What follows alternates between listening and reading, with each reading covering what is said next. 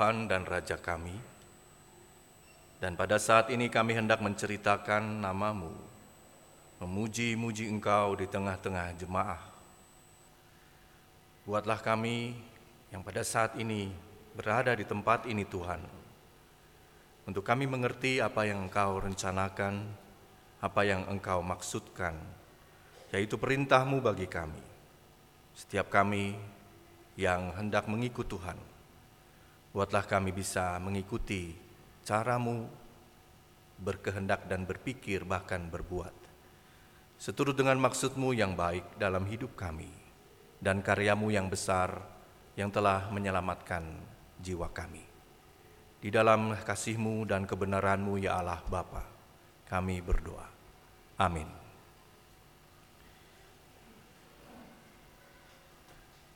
Firman Tuhan pada saat ini kita renungkan dari Markus pasal 8 ayat 31 sampai dengan 38. Kemudian Markus 9 ayat 2 sampai 9.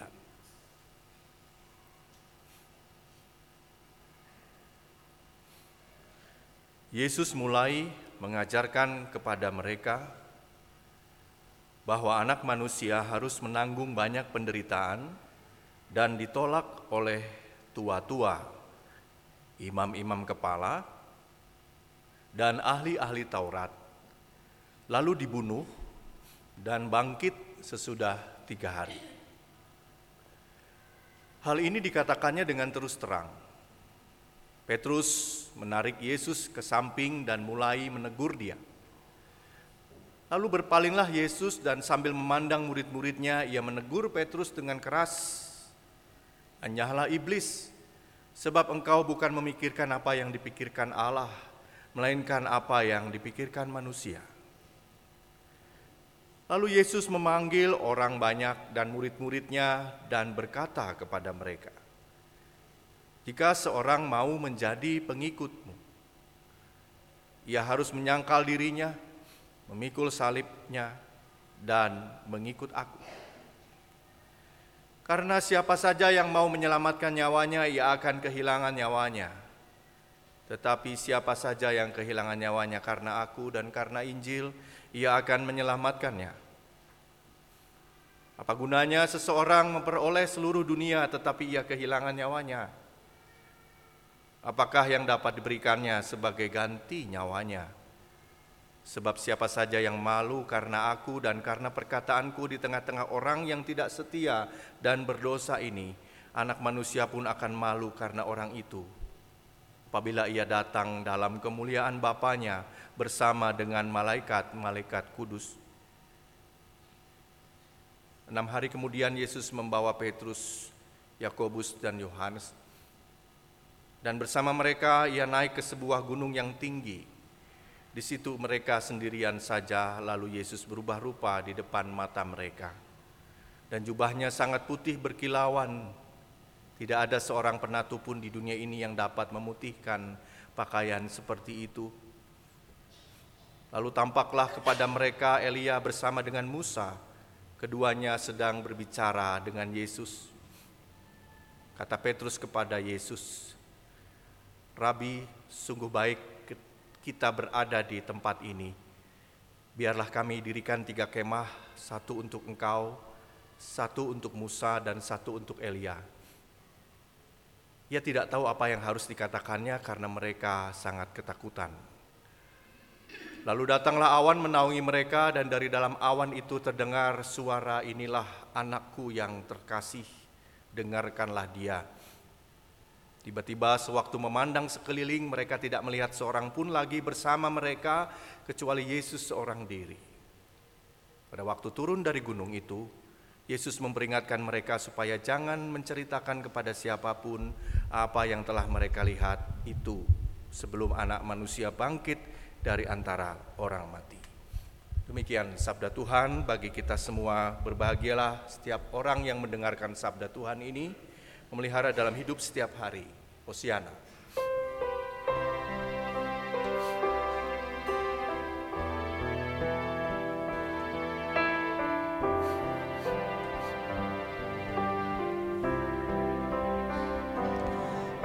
you.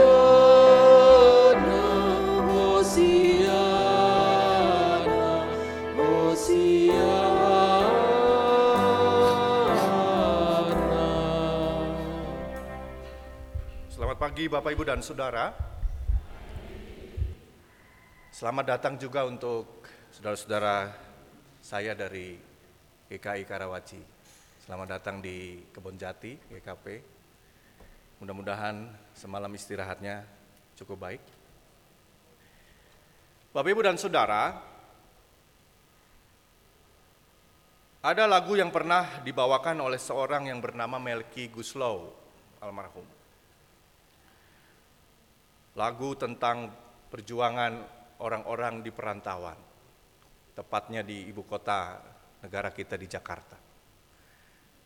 Siapa suruh datang Jakarta? Siapa suruh datang Jakarta? Ada yang ingat? Nah, begitu dia. Sandiri suka, Sandiri Rasa, Edoe, saya. Lagu tentang orang yang merantau di Jakarta. Siapa suruh datang Jakarta juga pernah menjadi, kalau tidak salah menjadi sinetron di 2016. Kalau tidak salah ingat saya. Dan memang lagu ini menggambarkan tentang bagaimana beratnya perjuangan hidup di sebuah kota besar, kota metropolitan. Dan tidak sedikit orang yang datang ke Jakarta berpikir bahwa di sana mereka akan mengubah nasib yang mungkin semula tidak baik menjadi lebih baik. Tapi kenyataannya rupanya di sana pun atau di Jakarta atau di kota-kota besar di Indonesia tidak selalu membawa kemudahan tidak selalu membawa keberhasilan, tidak selalu membawa kemenangan.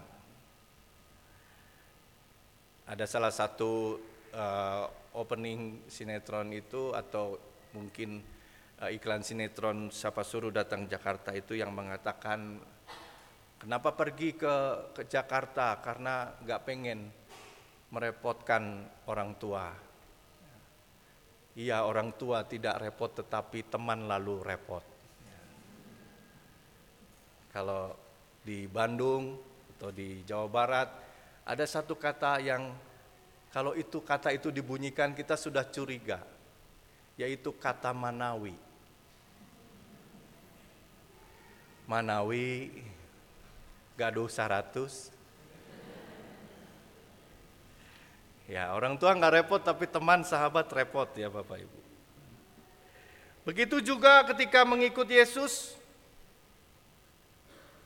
tidak sedikit di antara orang banyak atau kita bahkan ketika mengikuti Yesus kita beranggapan bahwa tidak akan ada lagi penderitaan, tidak akan ada lagi sakit penyakit, tidak akan ada lagi yang namanya kegagalan, tidak akan ada lagi yang namanya kelaparan.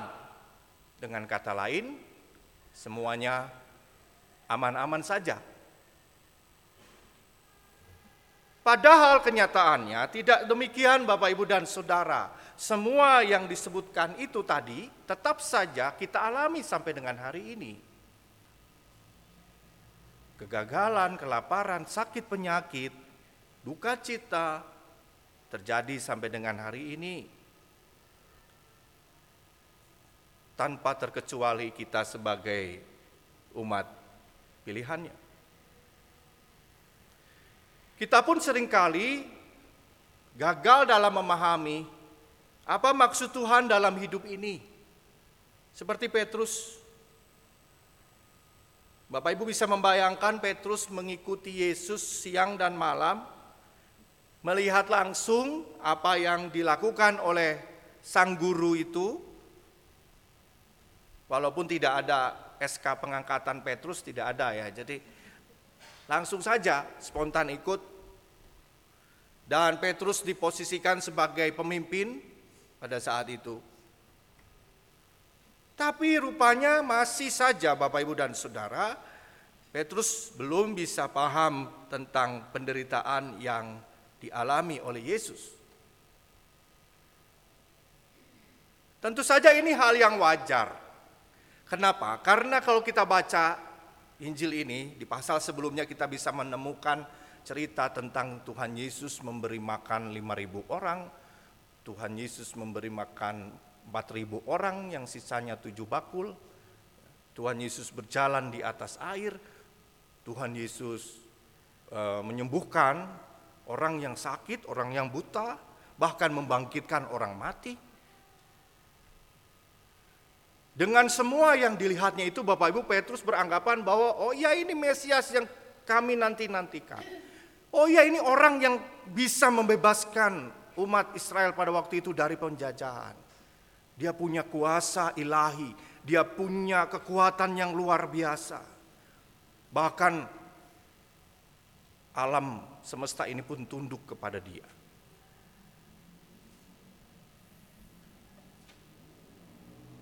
Tapi ketika Tuhan katakan bahwa anak manusia akan menderita, Petrus tidak percaya. Petrus menarik Yesus, menegur Yesus.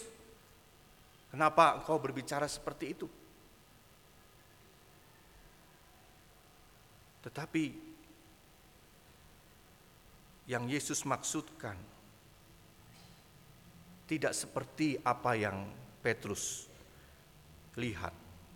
Di sini Bapak Ibu, kegagalan itu kelihatan. Tentu saja sampai hari ini kita pun bisa seperti Petrus yang pada waktu itu menganggap bahwa penderitaan kita, peristiwa yang terjadi dalam hidup kita itu karena kita Barangkali kita kurang iman begitu ya. Kita lalu tidak bisa memahami secara utuh apa yang dimaksudkan oleh Tuhan. Kalau penderitaan, kegagalan, kesusahan, bencana kemarin di ranca, ecek, ranca ekek ya. Apakah karena orang-orangnya kurang iman? Berarti kalau kurang iman penderitaan Yesus pun karena Yesus kurang iman.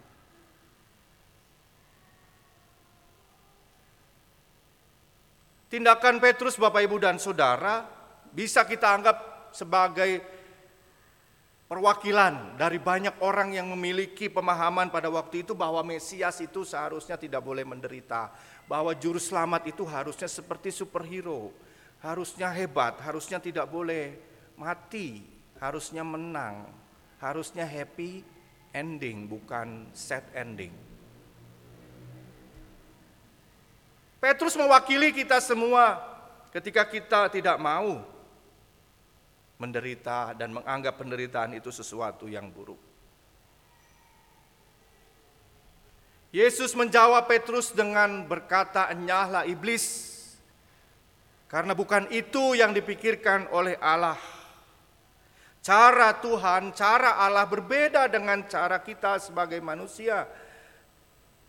Cara Tuhan adalah bahwa Yesus Sang Mesias itu harus menderita, harus mati untuk menebus dosa manusia, dan Dia akan mengalami banyak penderitaan. Tapi pada hari yang ketiga, Dia akan bangkit.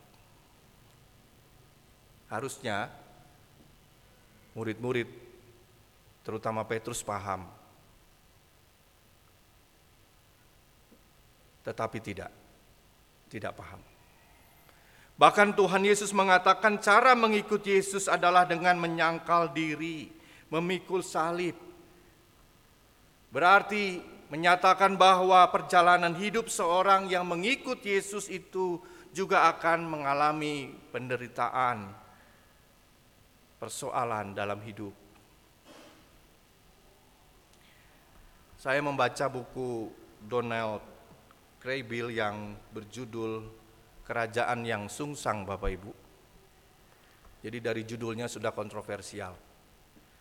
Tapi dari buku ini saya mendapati bahwa salib menurut Donald Kraybill ini salib bukanlah sesuatu yang Tuhan paksakan kepada kita. Coba Bapak Ibu dan Saudara perhatikan, ketika Tuhan memanggil murid-murid pertama, Apakah Tuhan Yesus memaksa? Tuhan hanya mengatakan, "Ikutlah aku." Ya, ikutlah aku. Kamu akan kujadikan penjala manusia. Walaupun pada saat itu ya nggak ngerti apa sih penjala manusia itu. Gitu. Tadi di video teaser ya di awal itu ada.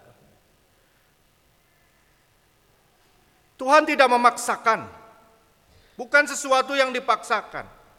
Salib itu, salib juga bukan sebuah kesusahan, ya kesukaran yang terjadi di luar kuasa kita. Tetapi salib adalah sesuatu yang dipilih secara sengaja, sadar Bapak Ibu dan Saudara.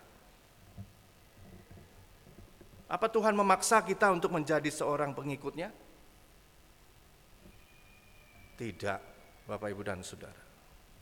Oh ya Pak kan kecil dibaptis, yes, menjadi Kristen. Tapi jangan lupa setelah baptis harus sidi, mengaku iman. Dan mengaku iman itu adalah pilihan Bapak Ibu dan Saudara. Pilihan. Di ayat 34 Tuhan Yesus mengatakan, jika seseorang mau, jika seseorang mau menjadi pengikutku, kata Tuhan. Jika seseorang mau, kalau mau Bapak Ibu, Manawi.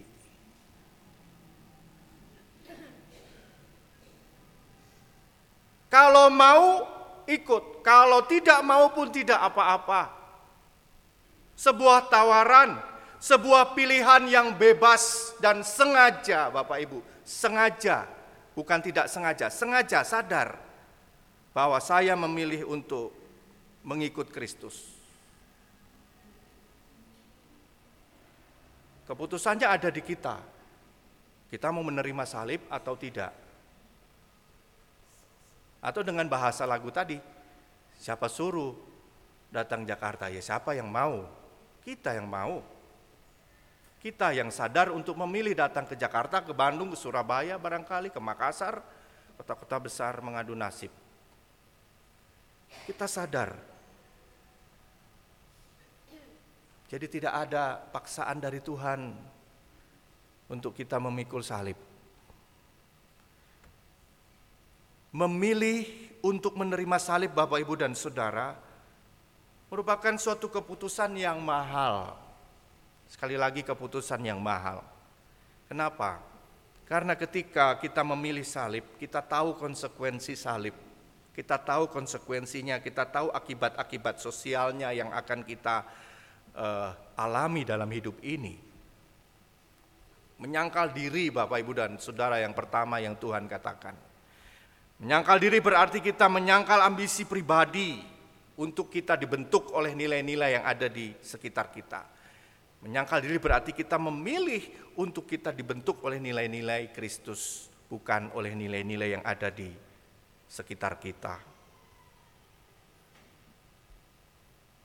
Menyangkal diri juga berarti kita kemudian kehilangan seolah-olah kehilangan posisi kita Tuhan sendiri mengajarkan kepada kita untuk melayani sesama. Tuhan mengambil baskom ya Bapak Ibu. Kamis putih itu biasa kita lakukan. Mengambil baskom kemudian dia membasuh kaki murid-muridnya.